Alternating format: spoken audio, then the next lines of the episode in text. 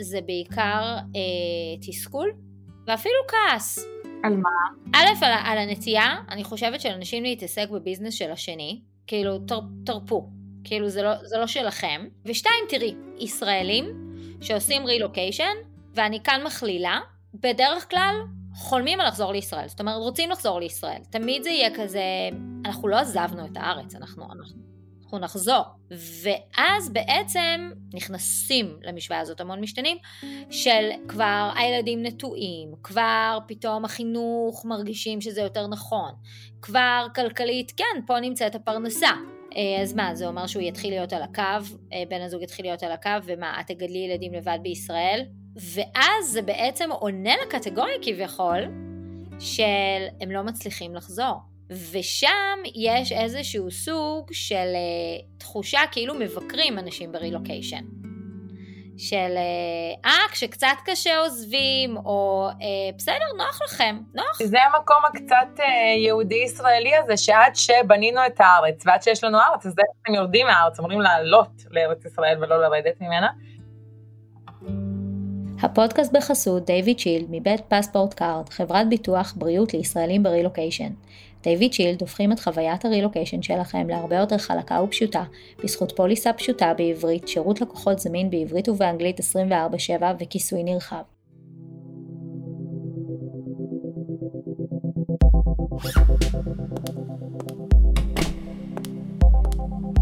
מסע הרילוקיישן יכול להיות עמוס באתגרים, אין ספור חוויות והתמודדויות. אני אביה טרכטינגוט, מאמנת נשים ואימהות לרילוקיישן ומערכות יחסים. אימא לארבע עולמות, נשואה לאבי וגרה בדאלאס טקסס שבארצות הברית. פה אשתף במסע הרילוקיישן האישי שלי, כדי לעזור לך להרגיש בבית גם ברילוקיישן.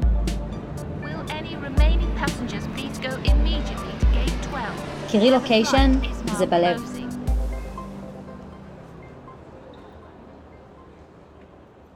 היום אני מארחת שוב בהופעת, לא בכורה, אבל בהופעה מרגשת, את אה, אינה פרי, מאמנת להתפתחות אישית, מטפלת אנרגטית בתת מודע ומתמחה באימון וליווי זוגות. אז אנחנו הולכות לדבר היום בגדול על אה, כסף ורילוקיישן, ובקטן כנראה על, על הפער הזה, על פער, על הפער המטורף הזה בין איך שזה נראה לבין מה שזה בפועל, איך אנשים מצפים שזה יהיה, מה אנשים חושבים, ואז מה קורה בפועל, שאני חושבת שזה בעצם כמעט, אני כאילו, לדעתי, כל, כל הפודקאסט מתעסק בפער הזה, כי, כי רילוקיישן יש מסביבו מלא גלאם, ואני כל פעם מחדש מבינה כמה גלאם יש סביב רילוקיישן, כי אני, אני חיה את החיים שלי, אני לא רואה את זה בתור משהו גלאמי, זה לא גלאמי. אני לא רואה את זה בתור משהו גלאמי, וכל פעם מחדש בכל מיני הבלחות כאלה, בכל מיני סיטואציות, אני כאילו קולטת כמה יש גלאם סביב רילוקיישן. וזה משהו שאולי גם את יכולה אולי לשפוך עליו אור, כי את חיה בישראל. אני חושבת שזה גם לא רק רילוקיישן, זה רילוקיישן אצלך לצורך העניין בארצות הברית. זאת אומרת, אני חושבת שלא יודעת, אם היית עושה רילוקיישן לרוסיה, אולי זה היה נראה הודו, כן, למרות דווקא אני בעד רילוקיישן להודו במידה מסוימת, אבל זה היה נראה אחרת, אני חושבת שיש גם את הגלם של רילוקיישן, זה מעניין שאת ממשיכה גם לדבר על זה כרילוקיישן ולא פשוט, אוקיי, עברתי דירה, פעם זה לא היה כזה, היה לזה טייטל, רילוקיישן, עברתי דירה, עכשיו אנחנו חיים במקום אחר משחיינו בו קודם, ואז זה גם, זה בפני עצמו מצמצם את הפער. כי זה לא רק לעבור דירה, זה בדיוק העניין, כי, כי זה, את יודעת, עברתי דירה זה משהו שלי מרגיש כאילו לגיטימי, ל- ל- ל- לכנות אותו, כשההגדרה הזאת מתאימה כשאני עוברת, לא יודעת מה, מקריית גת למקום אחר, אוקיי? או מתל אביב למקום אחר. זה עברתי דירה. או, את יודעת, מרחוב לרחוב. רילוקיישן זה כאילו, אימא'לה ואבא'לה, זה, זה באמת מטורף, זה כאילו לקחת את החיים שלך ולהעתיק אותם למאדים, זה ממש כזה. זה, את יודעת מה מטורף? שבפודקאסט לא שומעים, לא רואים אותנו, רק שומעות אותנו. אבל את הנשימה שלך כל כך שמעו כשאמרתי לוקיישן זה... כן, נכון. זה באמת, תקשיבי, זה, זה באמת מטורף. בואי, אנחנו פה כבר שבע שנים, אני יכולה להגיד שאנחנו התאקלמנו, נקודה. זאת אומרת, אין, אין ימינה שמאלה, אני גם, אנחנו חיים בקהילה מאוד אמריקאית, מה שאני יודעת שלא מאוד מאוד מאוד נפוץ. אה, כאילו הרבה, הרבה ישראלים שמגיעים בוחרים לחיות ליד ישראלים. לא חושבת שידענו מה אנחנו עושים אז, זאת אומרת זה לא שכאילו אמרנו לא באנו לחיות ליד ישראלים, באנו לחיות ליד אמריקאים, פשוט גיאוגרפית איך שהכל פה מאורגן באזור הזה, זה היה לנו חשוב פשוט לגור באזור של בית כנסת ובית ספר יהודי ובמרחק הליכה מהבית כנסת ו, ויצא שהקהילה שחיה פה זה קהילה אה, כאילו מודרן אה, אורתודוקס, כאילו נגיד בהגדרות הישראליות דתייה, דתית לאומית, אה, אבל אמריקאית. ומרבית החברים שלנו הם אמריקאים ואני יכולה להגיד לך שאנחנו מאוקלמים פה יופי לגמרי, יש לנו חיי חברה ו... ו, ו, ו ועדיין זה ענק, זה, זה, זה מטורף, זה כאילו... ואני גם מדברת הרבה על, על, על, על לחיות חיים כפולים, כי מצד אחד אני ישראלית ואני עובדת בעברית עם ישראליות ואני צורכת, צורכת תוכן ישראלי ו, ואני מעודכנת בכל מה שקשור לא רק חדשות, כאילו גיא פינס, אוקיי? סבבה? כאילו כזה. ומצד שני, אני חיה חיים אמריקאים לחלוטין. אני יודעת לנסח לך עכשיו את הניואנסים הכי אמריקאים שיש, לדעת איך לפנות לה, כאילו, הנה הפער. ו- ואם אנחנו רגע מחברות את זה לקטע של הכסף, זה יבוא לידי ביטוי, ו- ואנחנו פתחנו אה, תיבה באינסטגרם, אני פתחתי תיבה באינסטגרם, כמו שאני עושה תמיד אה, לפני פרקים אה, משותפים, כי העזרה של הקהילה באינסטגרם היא משהו אדיר, בקטע של כאילו רגע, תנו לי ליד, כאילו קצה חוט על מה, על מה אני רוצה, על מה אתם רוצים שנדבר.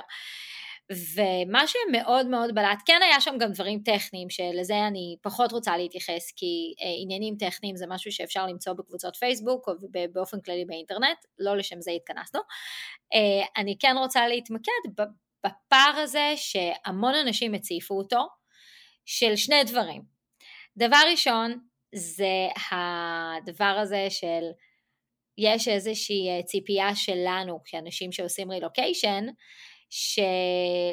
שלחיות את הגלאם הזה שיש סביב הרילוקיישן, של בעצם את, את אה, עושה רילוקיישן ואת אמורה לשדרג את החיים שלך כלכלית. אז יש פה כמה דברים. דבר ראשון, הקטע הזה של רגע, אני עברתי למדינה חדשה, אני רוצה לחיות את הדבר הזה, נכון? אז הצגות וקניות וכיפים, כאילו מסעדות, עניינים, לה לה לה לה לה. אה, דבר שני, יש איזושהי ציפייה מעצמנו של כאילו וואלה אנחנו אמורים להשתדרג ברמת החיים נכון ואז הרבה פעמים כשעוברים וזה משהו שעלה המון מהתיבה זה כאילו שנייה שני, לא, לא הבנתי על זה, על זה חתמתי? לא הבנתי אז ביטוח בריאות עולה באמת כמעט אלפיים דולר לחודש? אז בית ספר... זה תמיד מפתיע אותי, וכל, גם יש לי משפחה בארצות הברית, אבל גם בסרטים אמריקאים כל הזמן מדברים על זה שאני צריך לעבוד כדי שיהיה לי ביטוח בריאות, זה הדברים האלה. בלי ביטוח בריאות, בגדול אין לך מה לעשות באמריקה, זה כמו, אין לי אפילו הגדרה לדבר הזה בישראל, זה כמו, לא יודעת מה, שלא יהיה לך רישיון נהיגה, לא יודעת, זה, זה נורא בסיסי. אין לי גם בישראל זה נורא בסיסי, רק שזה הרבה פחות מורכב מבאמריקה. נכון, אז, אז כאילו זה, זה באמת פתאום את פורטת את הדבר הזה, ואם את בכלל רוצה לחיות חיים יהודיים אה, דתיים נקרא לזה ככה, של כאילו בית ספר יהודי ולשמור כשרות וכולי, פתאום את מסתכלת על זה ואת אומרת, וואו, זה, זה לא כזה גלמי כמו שחשבנו. נכון, והקריירה שבואי אנחנו רוב הזמן בעבודה, אנחנו רוב היום שלנו בעבודה, זה די מגדיר אותנו. אז נכון. אם אני מכירה נכון. אם אני עצמאית זה גם משהו שעלה בתיבה, תכף נדבר על זה. הפער הזה בין זה שכאילו באמריקה, תמיד הרי כולם נוסעים לאמריקה כדי להצליח, או לא משנה, לחיות את החלום האמריקאי. בדיוק, אבל גם בא לי להגיד, לרילוקיישן בכל העולם. נכון. שוב, המטרה היא, גם דיברנו על זה קצת בפרק הקודם על זוגיות, המטרה היא לשדרג את החיים. נכון. אז אני אמורה להתפתח. להשתדרג. כן, נכון. להצליח, לצמוח. ומה קורה אם אני נכשלת? ומה קורה אם אני לא מספקת את הסחורה? מה אז?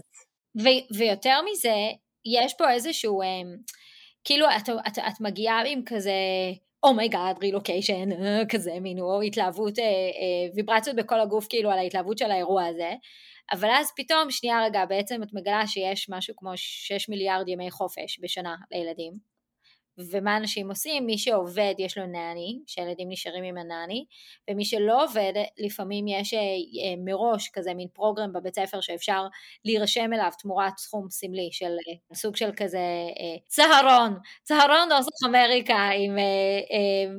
כאילו זה, זה באמת באמת אחלה, אבל כאילו זה משהו שכאילו את צריכה להירשם אליו מראש ולדעת עליו, עליו מראש. שזה גם עוד פער, בגלל שאם את ישראלית, אין לך מושג בכלל לחפש את הימים האלה, אין לך מושג לחפש את האופציה של האם אני יכולה לרשום את הילדים שלי לאיזושהי מסגרת תוך כדי ימי, אה, יום פה, יום שם, נה נה נה. ואז בעצם מה קורה? כש... מגיעים לרילוקיישן, הנה עוד פעם הסטטיסטיקה שצריך להגיד ש-95-97 אחוז ממקרי הרילוקיישן הם בעקבות עבודת בן הזוג, שזה משהו שדיברנו עליו כבר בפרק זוגיות, ואז מה קורה? הוא החמוד מתוקי, קם בבוקר, מתחתך, מתרגל. ממשיך להתפתח, לא, לא ויתר על 45 דקות של השירותים, לא סתם, אני חוזרת לפרק הקודם, אמ, ויוצא לעבודה, ואת, הופלה, יום חופש של הילדים, ואת גם עצמאית, למשל, או שאת גם רוצה לנשום, למשל, להבין איך קוראים לך, מה קורה איתך, וכאילו, רגע, מה, מה קורה, זאת אומרת, איך בכלל מאפסים את עצמנו מה, מהדבר הזה? ואז לשם בעצם מזדחלת לה באיטיות ובאלגנטיות תחושת ה... אבל לא עושה כלום עם עצמי בפועל. אני לא מספיק טובה, אני לא מספקת את הסחורה, אני כישלון. בגדול איפסת את עצמך בכל מרחבי החיים, בזוגיות, בקריירה, ביחסים עצמך, בדימוי גוף, בתזונה, בספורט, בזמן, בכסף, בהכל, בלימודים, במשפחה, איפסת את עצמך בכל מרחבי החיים, ואז את אומרת, רגע, אז האם יש שם פער כלשהו? ויש פה עוד אלמנט מאוד משמעותי, שגם כל האנשים מסביבך בציפייה. אמ, ואז אם עד כה בחייך היית במקומות של ריצוי, מה את מנסה לייצר שוב?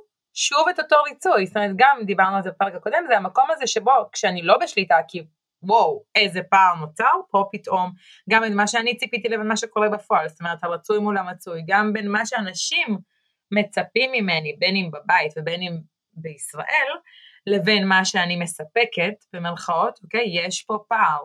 בפער הזה, כשאני לא בשליטה, סביר להניח ששוב ניקח את השליטה דרך סבל במקום דרך עונג, ואז אחד המרחבים שאנחנו יכולות לקחת בו שליטה הוא בכסף. מאני, מאני, מאני, must be funny, כן. עכשיו, אנחנו... זה, זה מעניין שזה must be funny. מה זה funny? אני לא מצחיק שיהיה.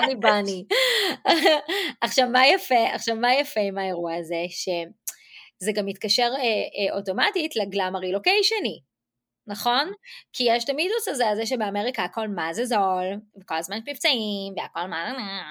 את יודעת מה עכשיו עולה לי לראש? את זוכרת שהיה את הסרט אה, איים אבודים? לא, אבל את תכף תספרי לי. זה סרט ישראלי שמדבר על שנות ה-70, כאילו הוא מתרחש בעצם בשנות ה-70 או, או ה-80, וזה סרט עם, עם יובל שרף ואושרי קורן, אני חושבת שככה יובל שרף זה היה ממש הסרט הראשון שלה. ויובל שרף הייתה הילדה שאבא שלה היה שגריר או איזה דיפלומט, והיא הגיעה לבית ספר והיה לה קלואה, את הבושם, והיה לה ליווייס, וזה באמת היה גלה משוגע סביב הילדה הזאת, וכאילו זה, זה, זה כאילו מה שעומד לי בראש, כשכאילו אני מדברת על הגלם האמריקאי, כאילו פתאום יש... זה קצת האמת אבל. מה אמת? מה האמת? שהכל מותגים והכל כזה מרגיש שאת יכולה לקנות בזול באמריקה, אבל אז יש מאחורי זה את הסיפור שאת מספרת לעצמך, שאם יהיה לך את זה, זה הפער. אז אני אהיה אמריקאית, אז אני אעמוד ב... בציפיות, אז אני אספק את הסחורה. אבל אז גם כשיש לך את כל זה, את מרגישה פייק. ריק. אבל מה? עכשיו, כאן זה שבלונה, למה? כי מצד אחד, יש איזושהי, כאילו, יש את הציפייה הזאת, כאילו, שוב, זה, זה עלה מהתיבה שלה, אה, מי שעובר הוא אוטומטית מיליונר, אוקיי? כאילו, אה, אתם עברתם עם חבילה, מה זה יפה, זה כאילו כאילו אתה עם עשרה שקלים ובארצות הברית הם הופכים לדולרים, זה כזה. זה משהו כזה, כן, זה, זה, זה כן, יש את השד שיצא מהבקבוק ומהזה, מהמנורה, והפך את הכל, וכאילו בעצם זה, זה, זה שבלונה בתוך שבלונה, למה? כי אני, אני קונה לעצמי כדי לעשות לעצמי כיף על הנשמה, בפועל זה לא באמת מפצה, זה סתם מכסה על משהו, ואז יש פה עוד שבלונה של מה שאחרים רואים מבחוץ, של כאילו, אוקיי, היא מגיעה עם כל הגלם, היא מגיעה לביקור, איזה, אני זוכרת שכאילו אני קבוע לפני, לפני ביקורים, ביקורים בארץ, הייתי במסעות קניות מטורפים. כאילו, לא, לא, שנייה, כאילו מה, אני חייבת להגיע עם דברים סופר שווים, נכון? עכשיו, בואי, החיים שלי רגילים. היא מגיעה דודה מאמריקה, ויכול להיות שאפילו יש לאנשים ציפייה שתשלמי עליהם, שתזמיני אותם, שתביאי להם מתנות מאמריקה. זה כזה. אז תראי, אני באופן אישי לא הרגשתי את זה, אבל אני כן יכולה להבין איך זה כאילו אנשים יכולים להיכנס לתפיסה הזאת, כי זה, זה כביכול, זה זול. אני יכולה להגיד לך שדוד שלי שגר בארצות הברית, אולי אני אשלח לו את הפרק הזה, הוא אגב מגיע ממש תכף, עוד כמה ימים, לביקור. איפה הוא גר בארצות הברית? בניו ג'רזי. אז הוא תמיד היה מגיע, דבר ראשון שהוא היה מוציא זה את ה... 100-200 דולר, כן, מתנות, זה, הם תמיד מוציאים, כאילו מלא, עכשיו, היום אני מבינה את זה אחרת, אבל אז הייתי ילדה קטנה, שהדוד מאמריקה מגיע, וזה היה ממש כל, כאילו, כל מה שתספר לך עכשיו, ככה זה הרגיש. דוד מאמריקה זה מושג. כן, זה ממש כזה, זה ממש עומד מאחורי, גם הוא צריך לעמוד מאחורי זה. היום אני כבר גם, כמובן, עוד פעם, במקום אחר, אבל אני אומרת, איך הוא הרגיש שהוא צריך לעמוד מאחורי הציפייה הזאת, הדוד מאמריקה, גם הוא היה ישראלי, אגב, הם עשו גם רילוקיישן, הוא היה ישראלי קודם, הם, עשו, הם עלו איתנו לארץ, זה אח של אמא שלי, ואז הם עברו לארצות הברית. אז עוד יותר, יש עליי את, ה, את חובת ההוכחה. כי אחרת למה עברתי מישראל? הוא היה מאוד מצליח פה בארץ, למה עברתי מישראל כדי להיות יותר מצליח בארצות הברית? אז נכון, אז עכשיו אני חייב, נכון, לגמרי. אז מה עושים עם הפער הזה, אינוש? אז ככה, קודם כל חשוב להגיד שהרבה פעמים כשאנחנו מרגישות איזשהו פער, שום חומר לא יפצה עליו.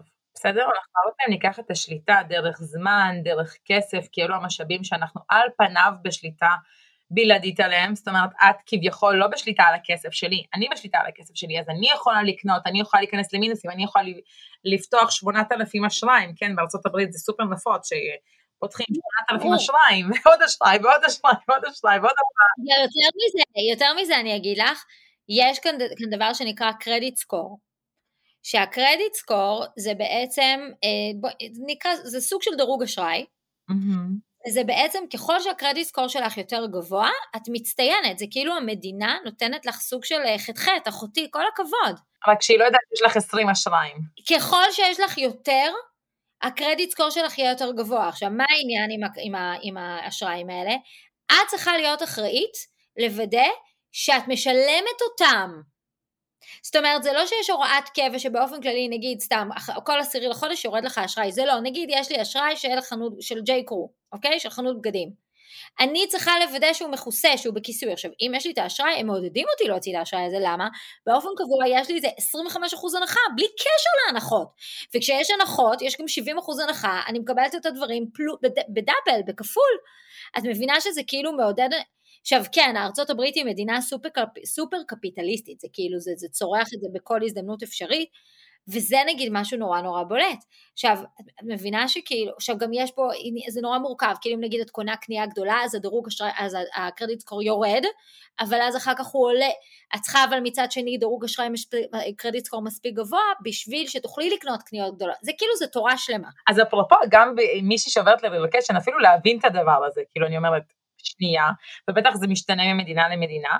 אגב, יש את הסדרה של איך להתעשר בנטפליקס, שצפיתי קצת בכמה פרקים הראשונים, וגם שם מאוד רואים את, את התרבות הזאת של הקנייה. אני אזכור אה, מחסן כדי לאחסן בו את הדברים שאין לי איפה להכניס בבית שאני רוצה, מתישהו ביום מן הימים למכור, שבפועל אם הייתי רק מוכר אותם, אפילו נפטר מהם, זה היה עולה לי פחות מלסחור את המחסן הזה. יש שם איזה מקום כזה של גם, גם לצבור, אבל בא לי להגיד שהדבר הכי חשוב, שחשוב להבין פה, זה שחומר לא יוכל בחיים לפצות על הרגש. על הרגש הזה, כן. כי בעצם הפער החוסר שליטה, התחושת לא מספיק טובה, לא מספקת את הסחורה, הכישלון, למה עשיתי את זה, וכן הלאה וכן הלאה, הם מגיעים מתוך הרגש הזה של תסכול, של כעס, של חוסר אונים, ואם לא ניתן מקום לרגש, אנחנו בעצם קונות את הרגש. אנחנו מבזבזות אותו, באמת, זה כזה, ואני תמיד אומרת, זה אף פעם לא עניין של כסף או של זמן, זה תמיד עניין של סדרי עדיפויות.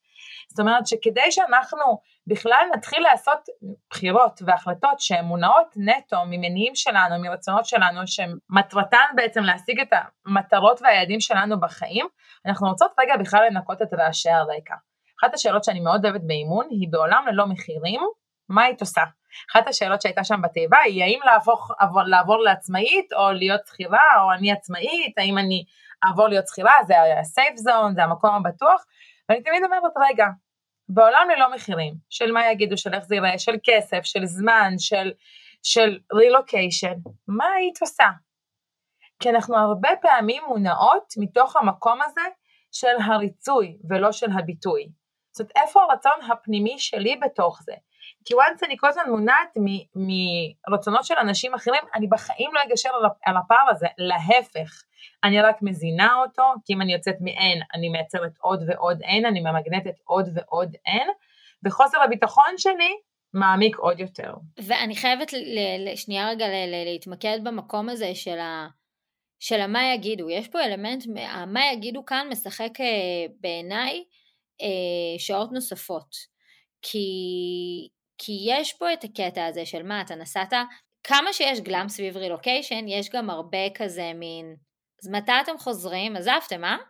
ואז בעצם זה כאילו הכל מתחבר לטוב, יותר משתלם לכם לחיות באמריקה, בסדר, בסדר, כזה.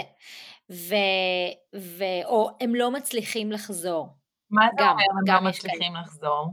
לא מצליחים לחזור זה אומר שכלכלית כבר אה, כאילו קשה לייצר מצב שנוח להם מספיק לחיות בישראל, אז הם מעדיפים לחיות באמריקה, כי באמריקה יותר קל כביכול. ואז מה את מרגישה כשנגיד חושבים דבר כזה? תראי, זה לא משהו שנאמר לי באופן אישי, אבל אני כן יכולה להגיד לך שהמתאמנות שלי אה, כן חוות דברים כאלה, ומה שעולה משם זה בעיקר אה, תסכול ואפילו כעס. על מה? א', על, על הנטייה, אני חושבת של להתעסק בביזנס של השני, כאילו תר, תרפו, כאילו זה לא, זה לא שלכם. ושתיים, תראי, ישראלים שעושים רילוקיישן, ואני כאן מכלילה, בדרך כלל חולמים על לחזור לישראל, זאת אומרת רוצים לחזור לישראל, תמיד זה יהיה כזה, אנחנו לא עזבנו את הארץ, אנחנו, אנחנו אנחנו נחזור. ואז בעצם נכנסים למשוואה הזאת המון משתנים, של כבר הילדים נטועים, כבר פתאום החינוך מרגישים שזה יותר נכון, כבר כלכלית, כן, פה נמצאת הפרנסה. אה, אז מה, זה אומר שהוא יתחיל להיות על הקו, אה, בן הזוג יתחיל להיות על הקו, ומה, את תגדלי ילדים לבד בישראל? ואז זה בעצם עונה לקטגוריה כביכול, של הם לא מצליחים לחזור. ושם יש איזשהו סוג של uh, תחושה כאילו מבקרים אנשים ברילוקיישן. של אה, uh, כשקצת קשה עוזבים, או uh, בסדר, נוח לכם, נוח. זה המקום הקצת uh, יהודי-ישראלי הזה, שעד שבנינו את הארץ, ועד שיש לנו ארץ, אז אתם יורדים מהארץ, אמורים לעלות לארץ ישראל ולא לרדת ממנה. אני רוצה לשאול אותך רגע, כי אני שומעת גם עוד משהו, ומעניין מה, מה את חושבת על זה. אני שומעת גם איזושהי תחושה שלא מבינים אותי.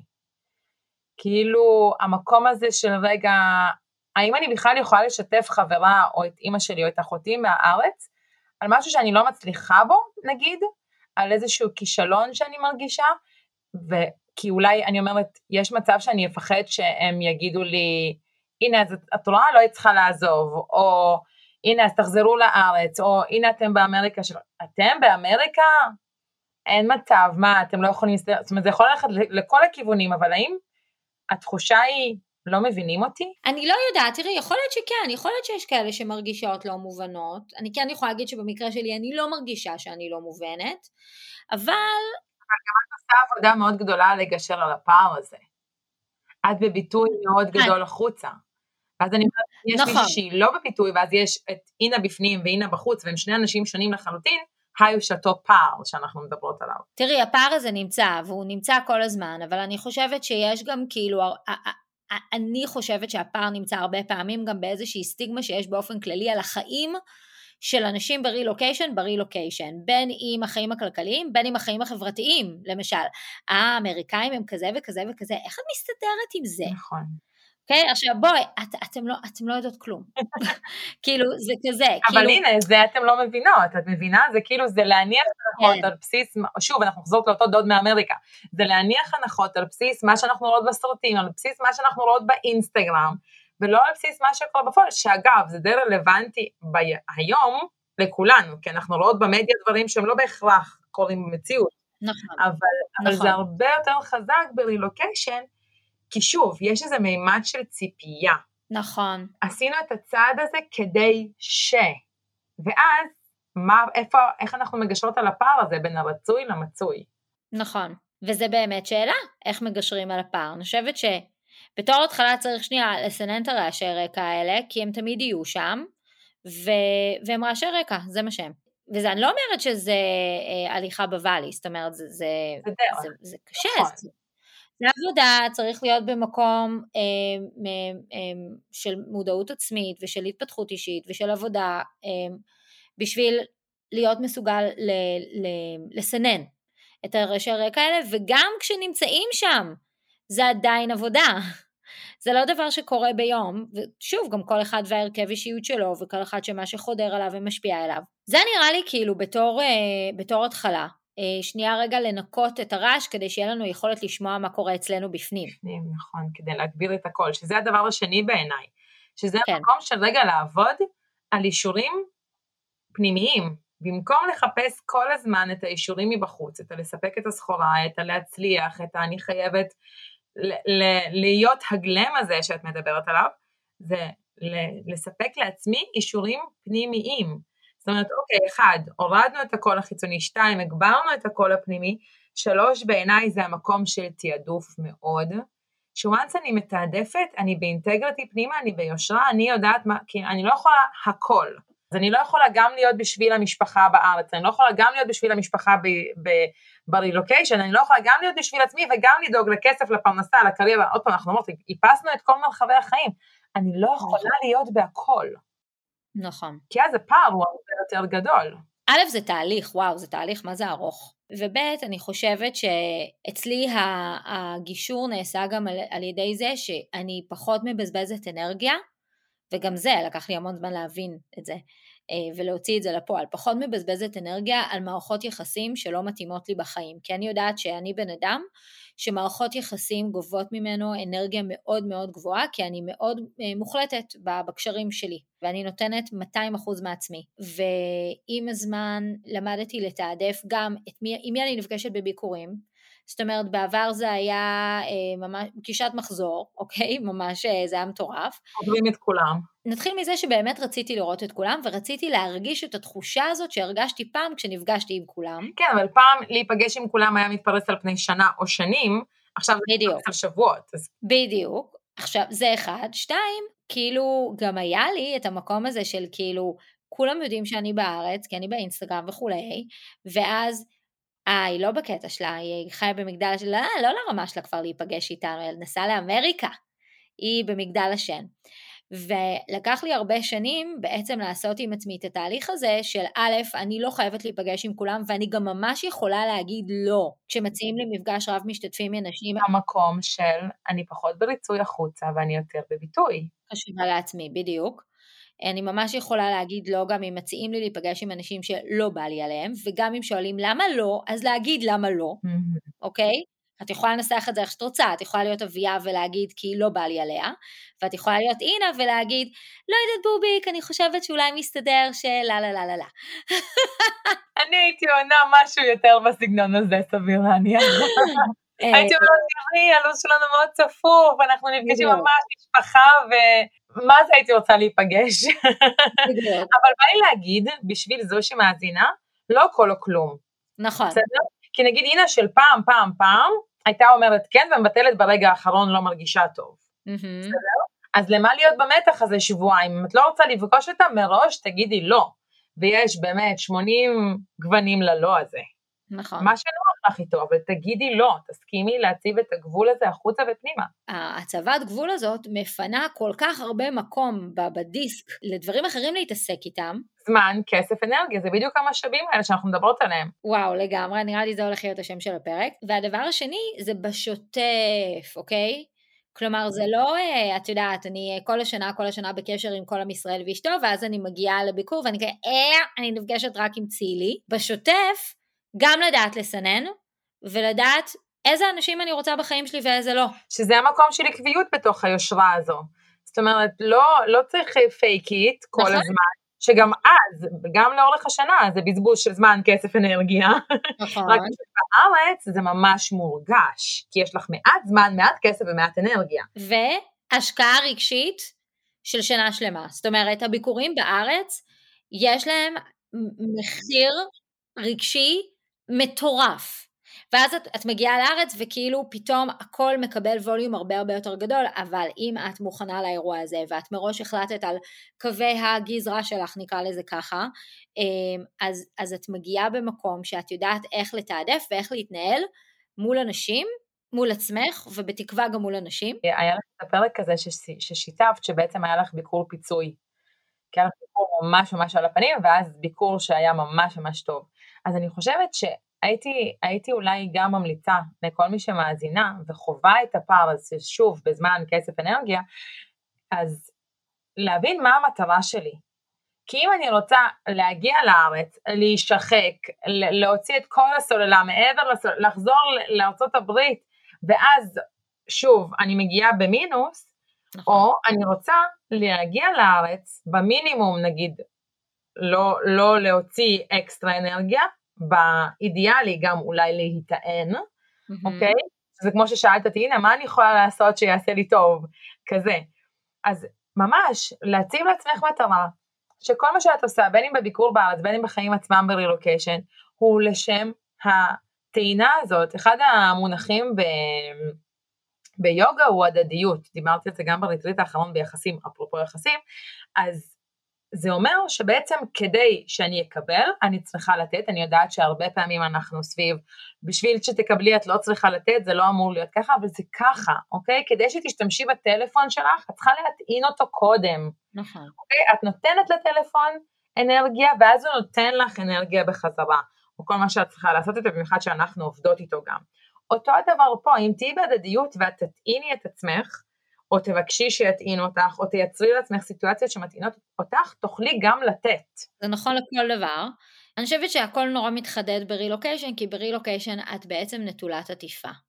כי העטיפה הזאת שהייתה לך בארץ של המשפחה והחברים וה... בואי, אפילו איפה שאת עושה ציפורניים, אוקיי? שזה גם כאילו באיזשהו שלב כשאת מגיעה לשם כל פעם זה הופך להיות כזה מן הרוטינה שלך וגם שם אתם כזה חברות ו... ואז פתאום את עושה את הרילוקיישן וכל העטיפה הזאת, את מגיעה כזה כמו wrap כזה מין, ש... ש... ללא ה wrap. הבפנוכו. את כל הבפנוכו, ובשביל שאת תהיי, תדעי לאסוף את הדבר הזה ולא להתפזר, אה, צריך אה, center מאוד מאוד חזק ובעבודה. ושוב, אני מדברת בפרקים הראשונים כל הזמן על זה שאני פשוט לא ידעתי איך לחיות בלי העטיפה הזאת. או לייצר שוב לעצמך. את העטיפה. נכון, אז למדתי לייצר לעצמי את העטיפה הזאת. אני חושבת שאפשר אולי גם לסכם את הפודקאסט עם זה שבעצם אם אני אשאל אותך אביה, כמה כסף את רוצה בחיים האלה, את, את בטח עכשיו תחשבי על תשובה, אבל בפועל בפועל בביפנוכו, רוב האנשים יענו ככה או אחרת על התשובה הזאת עוד.